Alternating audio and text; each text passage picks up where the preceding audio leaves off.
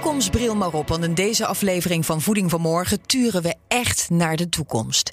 Die van de supermarkt, om precies te zijn. En dan is niets te gek. Een oplossing zou kunnen zijn dat we dus overgaan naar plofinsecten. Dus dat we ze naar onze hand gaan zetten en een dikker maken, sappiger maken, de smaakprofielen gaan uitvergroten. Ik denk dat het belangrijkste wat echt gaat veranderen natuurlijk in de komende tijd, en daar zien we nu al wat, eh, wat elementen van, is het hele betaalproces. Ik denk dat we in 2050 echt gaan lachen over dat we vroeger ooit met z'n allen dan in, zo in de rij hebben gestaan bij zo'n bandje. En wat ligt er dan in de schappen? In ieder geval gezonde en functionele voeding. Je ziet echt wel een, eh, een verschuiving van streven naar welvaart naar streven naar welzijn. Dus daar zijn ze ook meer op zoek naar gezondere voeding. Misschien wel uit de 3D-printer. Maar je hebt dus je macronutriënten, dus de koolhydraten, eiwitten, vetten, de micronutriënten, de vitamine. Nou, Zo'n 3D-printer kan daar dus bijvoorbeeld een interessante textuur van maken. En wat je koopt is helemaal gepersonaliseerd en toegesneden op jouw lichaam en leven. Ik denk dat we in 2050 allemaal weten wat ons eigen DNA is. Maar dus nog veel specifieker van wat eigenlijk voor jouw DNA nou goed zou zijn om te eten. Ik loop een ronde door de high-tech supermarkt van de toekomst met Marit van Egmond, CEO van Albert Heijn. Ja, we doen uh, innoveren gewoon heel erg veel. Wij stellen er eigenlijk altijd al een eer in om met heel veel zaken als eerste te komen. Zoals eh, de oprichter Albert Heijn dat ooit heeft geformuleerd. Deborah van der Zee, verantwoordelijk voor de voedingsmerken van Unilever in de Benelux. Eigenlijk in de basis ben ik gewoon verantwoordelijk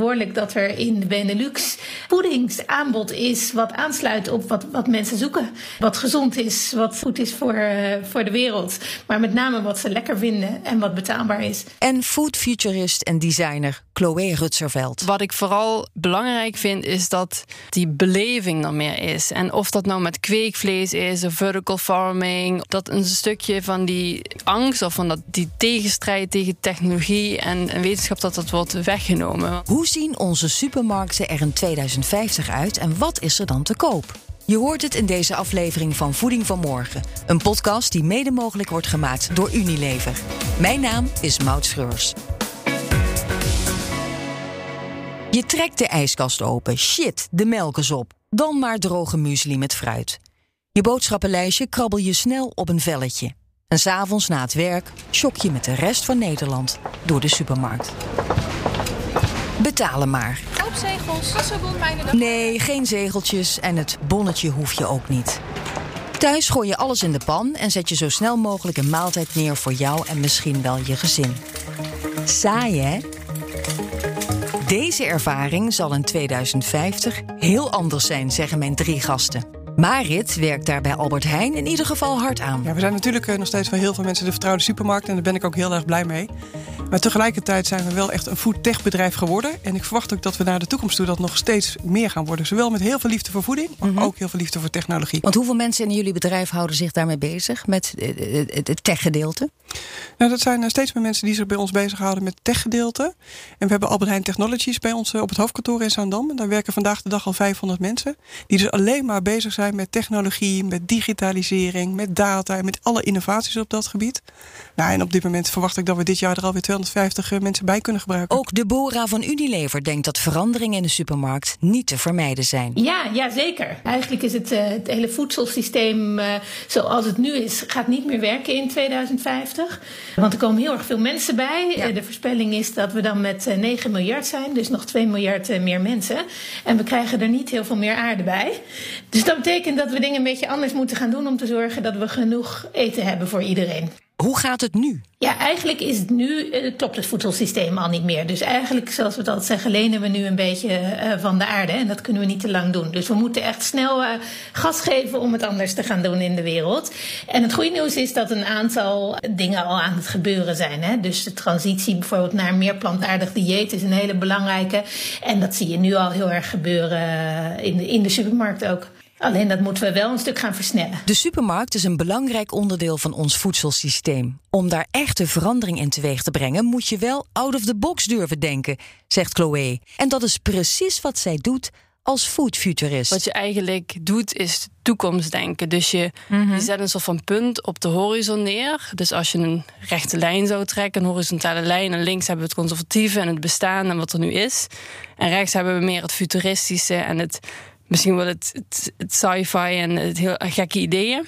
Ik denk dat in het midden, dat ligt echt innovatie. En toekomstdenkers of ontwerpers denken heel erg vanuit de rechterkant.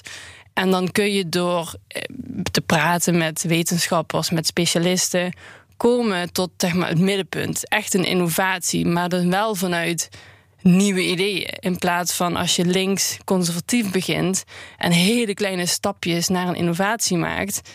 Ja, dan is het vaak niet heel erg nieuw, maar gewoon een andere verpakking of een ander smaakje of een ander kleurtje. En dan ben je bij Marit aan het goede adres. Ja, ik mag lekker dromen vandaag, dus Ja. dat is hartstikke leuk. En dan denk ik ook Alles wel mag. dat er in eh, 2050, dat eigenlijk al bij het opstaan, het begint eigenlijk om na te denken over hoe je die dag lekker actief eh, in kan gaan. Mhm. Dus waarschijnlijk eh, de eerste blik op de spiegel zal je al meteen vertellen over wat dan voor die dag voor jou van nut is. Van de spiegel leest je gezicht al af. Ja. En aan de kleur van je gezicht en aan hoe je ogen staan, kun je eigenlijk al aflezen van wat je zult moeten eten of wat je zult moeten bewegen of juist hoe je geslapen hebt. En er zal waarschijnlijk al meteen een soort eetpatroon in worden geadviseerd, die dan in je app of in een andere device die we op dat moment om ons arm hebben of, of bij ons hebben, meteen er eigenlijk al in staan. Waarbij je de vraag zult krijgen van wilt u het bezorgd krijgen of ga je het halen of zal ik alvast dit maken voor je. Dus ik verwacht eigenlijk dat ja, we niet meer alleen een elektrische tandenborstel hebben, maar dat er veel meer elektrische hulpmiddelen zijn die ons helpen over wat moet je nou eigenlijk die dag doen om zo gezond en zo fit mogelijk die dag te leven. Hoe krijg ik dan in de winkel de juiste aanwijzingen dat ik de juiste producten koop? Ja, ik denk, en, en, en dat hoop ik eigenlijk ook, dat we allemaal veel bewuster van zijn van, van eigenlijk wat goed is voor jouzelf. En dat weet je nu natuurlijk wel al een klein beetje, weet iedereen wel, de schijf van vijf waar we allemaal mee opgegroeid Ja. zijn. Maar ik denk dat we in 2050 allemaal weten wat ons eigen DNA is.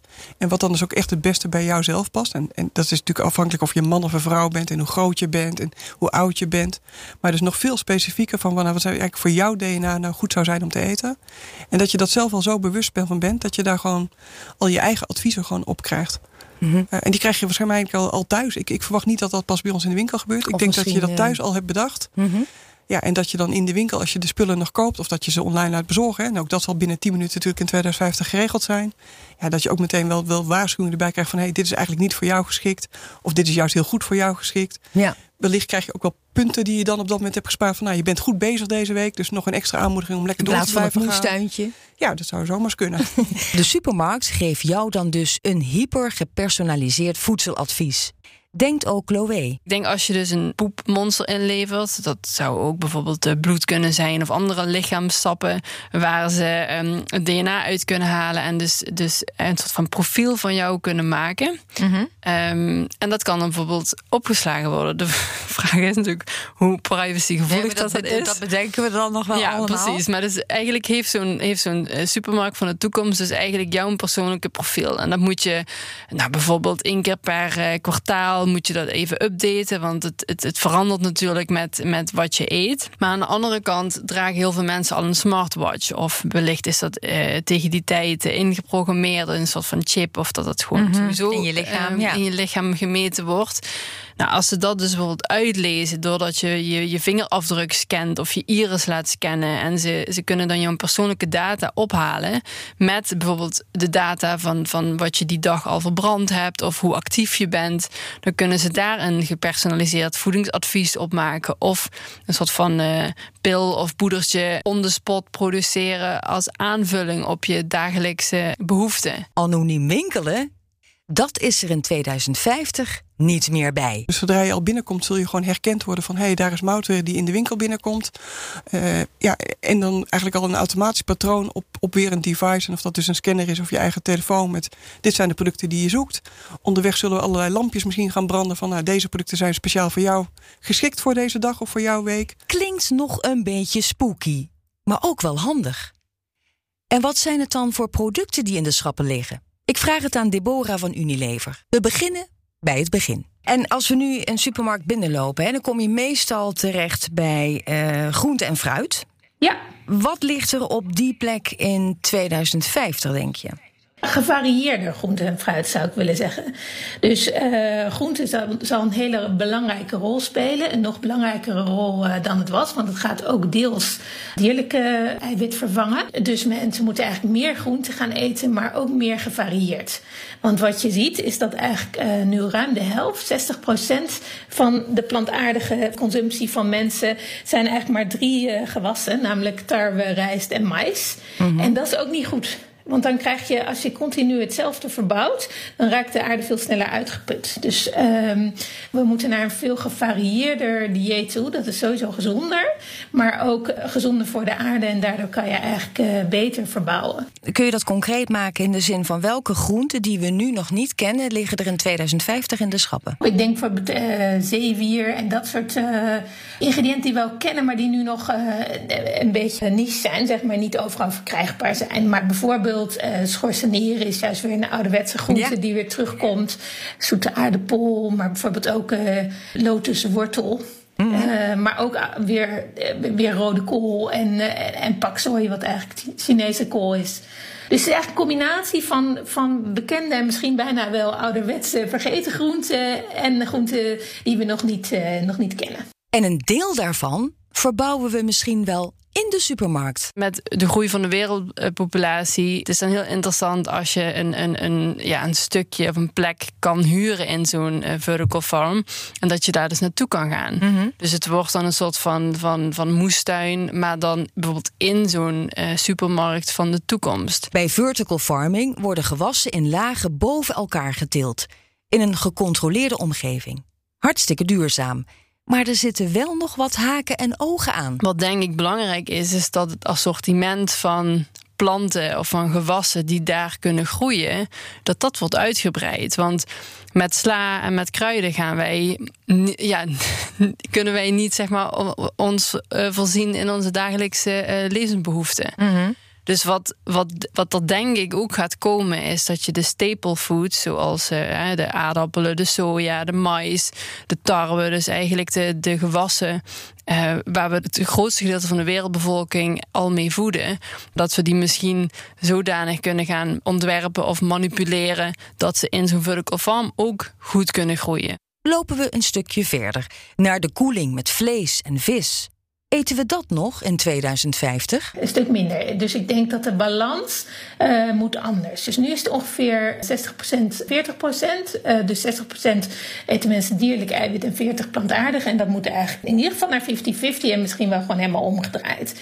Dus het moet beter in balans zijn. Dus er zal minder vlees en vis liggen en meer vlees en vis uh, vervangers. Mm -hmm. Dus dat zie je nu natuurlijk al een enorme groei. Dat er, als je nu het schap vergelijkt met uh, tien jaar geleden, is het vleesvervangerschap enorm gegroeid. En is het aanbod ook gewoon veel beter. Maar heel veel vleesvervangers zijn gemaakt uh, op basis van uh, soja. Hè? Um, hoe, hoe is dat in 2050? Hebben we dan alleen maar vleesvervangers gemaakt van, van soja, plantaardig dus? Of zie je ook een grote rol bijvoorbeeld voor kweekvlees? Ja, nou, ik denk onze agenda is wel om meer plantaardige ingrediënten te ontwikkelen. Dus we kijken met name naar alternatieve eiwitbronnen. Uh, dus, je, dus naast soja heb je ook erten, maar ook uh, eiwitbronnen van de toekomst zijn meer schimmels of microalgen. Kweekvlees staat natuurlijk nog wel in de kinderschoenen. Dus uh, er gebeurt nu heel veel, maar het is nu nog niet echt breed geaccepteerd als voedingsmiddel en kan ook nog niet op grote schaal geproduceerd worden. Mm -hmm. Dus ik verwacht dat dat nog wel zeker tien jaar duurt voordat dat echt uh, groter wordt. Ben je nieuwsgierig waar je eten vandaan komt? Dan kijk je nu gewoon op het bordje dat erbij staat of op de verpakking. Hoe anders is dat in 2050? Ja, dit, ik denk dat daar die technologie zo snel in ontwikkelt dat we dat bijna niet kunnen voorstellen. We denken er vaak natuurlijk nu lineair over. En -hmm. dit zijn toch ontwikkelingen die gewoon echt exponentieel gaan in mijn ogen. Uh, dus als ik er nu over nadenk, dan kom ik natuurlijk op blockchain-technologie, op QR-codes terecht. Alleen ik verwacht echt dat al die technologieën met elkaar, dat daar iets in zit, waar je toch connecting the dots in kan doen. Waardoor op dat moment waarschijnlijk als je gewoon in de winkel loopt en de sinaasappels en je wil het weten, dat je dat gewoon kan zeggen. En alle Siri-methoden, dat dan gewoon ja, je meteen te horen krijgt. Nou, vandaag komen de sinaasappels niet uit Spanje, maar die komen uit Nederland. Uh, die zijn hier uh, op het dak uh, tot stand gekomen met vertical farming of wat dan ook. Mm -hmm. Maar ik denk gewoon dat dat gewoon tegen je wordt verteld als je het wil weten. Goed. Wat hebben we nu? Hyper gepersonaliseerd voedseladvies op basis van jouw DNA, gezond eten en veel meer diversiteit in groente en fruit. En allerlei duurzame alternatieven voor vlees, vis en zuivel. Maar op een iets abstracter niveau, hoe gaan we tegen die tijd met eten om? Marit van Egmond van Albert Heijn. Vandaag de dag, ik, ik kook nog heel graag zelf. En ik denk met mij dat heel veel mm -hmm, mensen dat ik doen. ook. Ik vind ja. het leuk om te doen. Voor andere mensen is het misschien een noodzaak. Maar we zagen eigenlijk wel tot aan corona toe dat mensen steeds minder tijd besteden aan koken. En dat ging eigenlijk per, met een minuut minder per jaar. Uh, corona heeft daar eigenlijk in voor gezorgd dat mensen juist weer meer aan het koken zijn. Maar als je daar op een langere perspectief naar kijkt, naar 2050, waar we het dus over hebben, dan verwacht ik toch dat mensen eigenlijk geen tijd meer willen besteden aan koken. En dat koken een hobby geworden is. Mhm. En misschien eigenlijk wel op dezelfde manier als dat we eigenlijk nu ook geen kleding meer maken zelf. Eh, Dat doen we tegenwoordig ook allemaal, dat we dat gewoon kopen overal. Terwijl dat vroeger natuurlijk gewoon een noodzaak was om zelf je kleding te maken. En, diezelfde ontwikkeling verwacht ik ook dat dat gebeurt op het gebied van koken. Mhm. Dat koken echt een hobby wordt waar je je af en toe helemaal uitpakt. Maar ja, op andere momenten gewoon meer nadenkt over hoe krijg ik mijn voeding binnen. Chloe trekt deze gedachte nog een stukje verder. Maar waar ik vooral eh, toepassing zie, is dus in de microbieel geproduceerde voeding. Zoals, En- kun je een voorbeeld noemen? Ja, dus wat, we, wat, wat er al ook echt al sinds 1960 gedaan wordt, maar wat wij nog niet echt zien als voedsel, is dat dus van microben, dus dat zijn eh, microalgen, eh, schimmels, eh, bacteriën, gisten, dat die eigenlijk gebruikt worden als cell factories om direct de koolhydraten, eiwitten, eh, vetten te produceren, maar ook vitamine.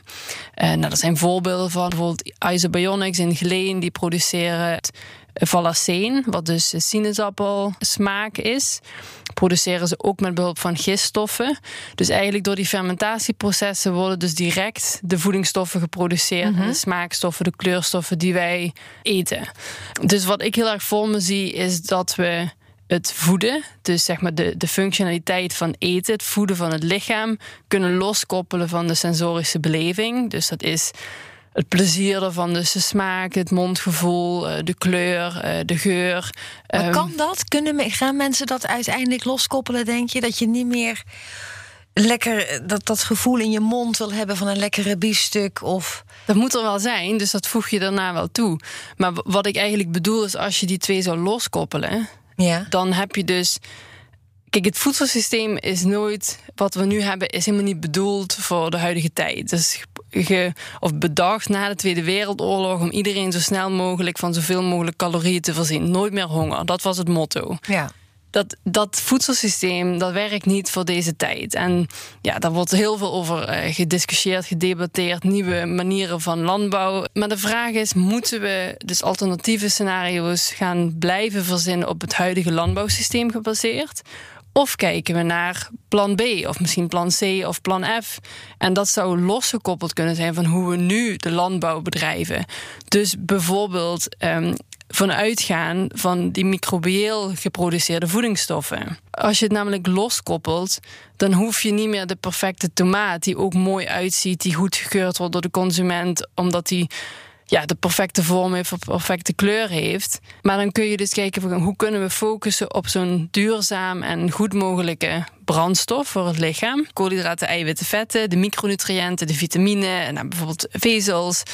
Ehm, nou, die componenten heb je allemaal. Zo'n 3D-printer kan daar dus bijvoorbeeld een interessante textuur van maken. Dus stel we analyseren het huidige voedsel.